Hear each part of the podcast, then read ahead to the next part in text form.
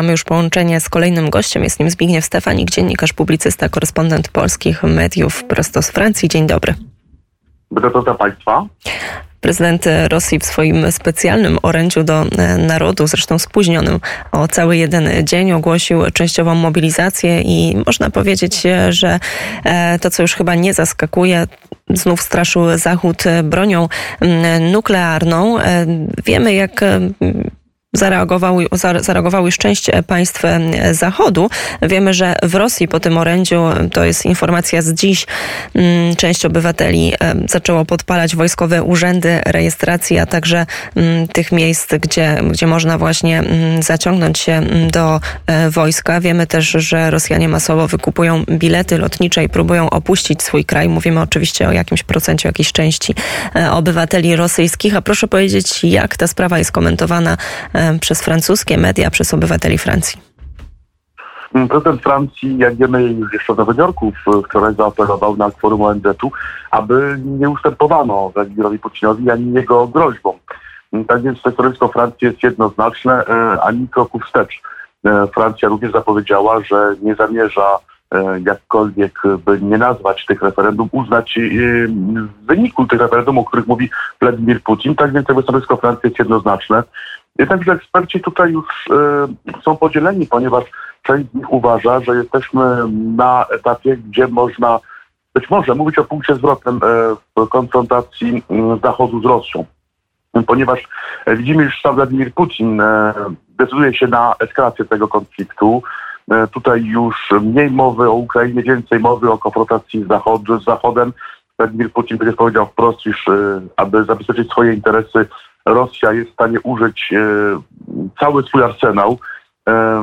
Tak więc pytanie, czy tutaj faktycznie ta broń nuklearna jest tym głównym elementem, którego powinniśmy się obawiać, czy też bardziej e, rozszerzenie konfliktu. Część ekspertów wskazuje na to, iż kiedy e, konflikt w jakiś sposób jest zablokowany, to można go rozszerzyć właśnie po to, aby osiągnąć jakieś skutki polityczne. I tutaj mówi się o dwóch kierunkach potencjalnego rosyjskiego ataku.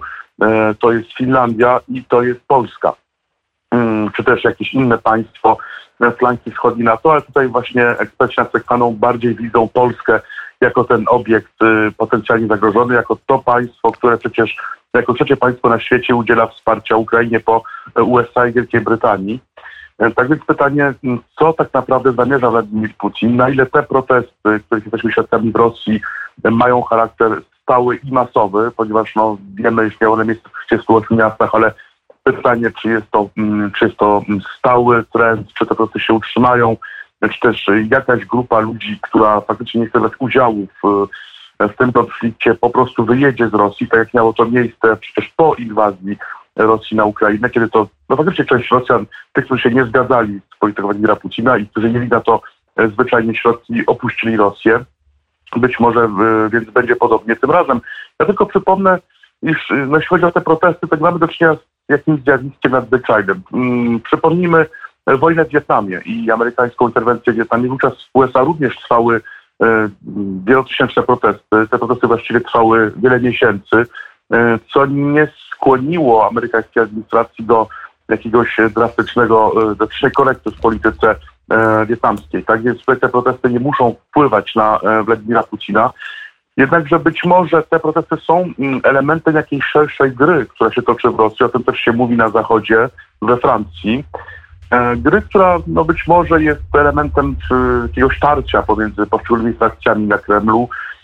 Być może jest więc taka sytuacja, iż jakaś frakcja próbuje doprowadzić do odejścia Władimira Putina.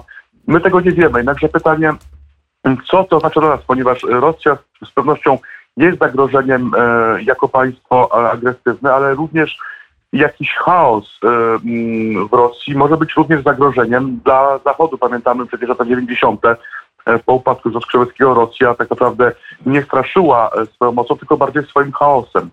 Tak więc no, sytuacja jest dynamiczna. Pytanie właśnie, jaki może wziąć ona obrót. Mm, to wszystko przed nami. Jednakże tutaj z pewnością no, nie, tylko Ukraina, ale właściwie E, no, państwa NATO, ale również te państwa, które aspirują do członkostwa NATO, czyli, czyli Finlandia na przykład, te państwa mogą być potencjalnie zagrożone. E, na Stekwanu również wypowiada się scenariusz e, tak zwanego mm, wypadku, czyli sytuacji, gdzie dochodzi do jakiegoś ostrzelania w Ukrainie jakiejś elektrowni atomowej, to powoduje wyciek radioaktywny czy też inną katastrofę o charakterze nuklearnym. To jest również brane pod uwagę, jednakże no, na tak mamy tutaj świadomość, to eksperci o tym mówią, dziennikarze, właściwie wszyscy czują to tak naprawdę, E, że jesteśmy w pewnym no, punkcie zwrotnym i właściwie no, kolejne dni, tygodnie zadecydują o tym, czy na świecie będzie panował e, pokój, czy też dojdzie do jakiejś eskalacji. E, pytanie również, e, co stanie się e, to w samej Rosji, tak? Czy faktycznie te protesty e, mają element trwały, czy też nie. Ja chciałem również zwrócić Państwa uwagę, Panie redaktor, na inne wydarzenia, które mają miejsce nieco w innym zakątku świata mianowicie na Iran, ponieważ jak wiemy, również Iran jest istotnym elementem no również tej rosyjskiej układanki. E, tam trwają protesty, protesty, które mają, zdaje się, charakter stały.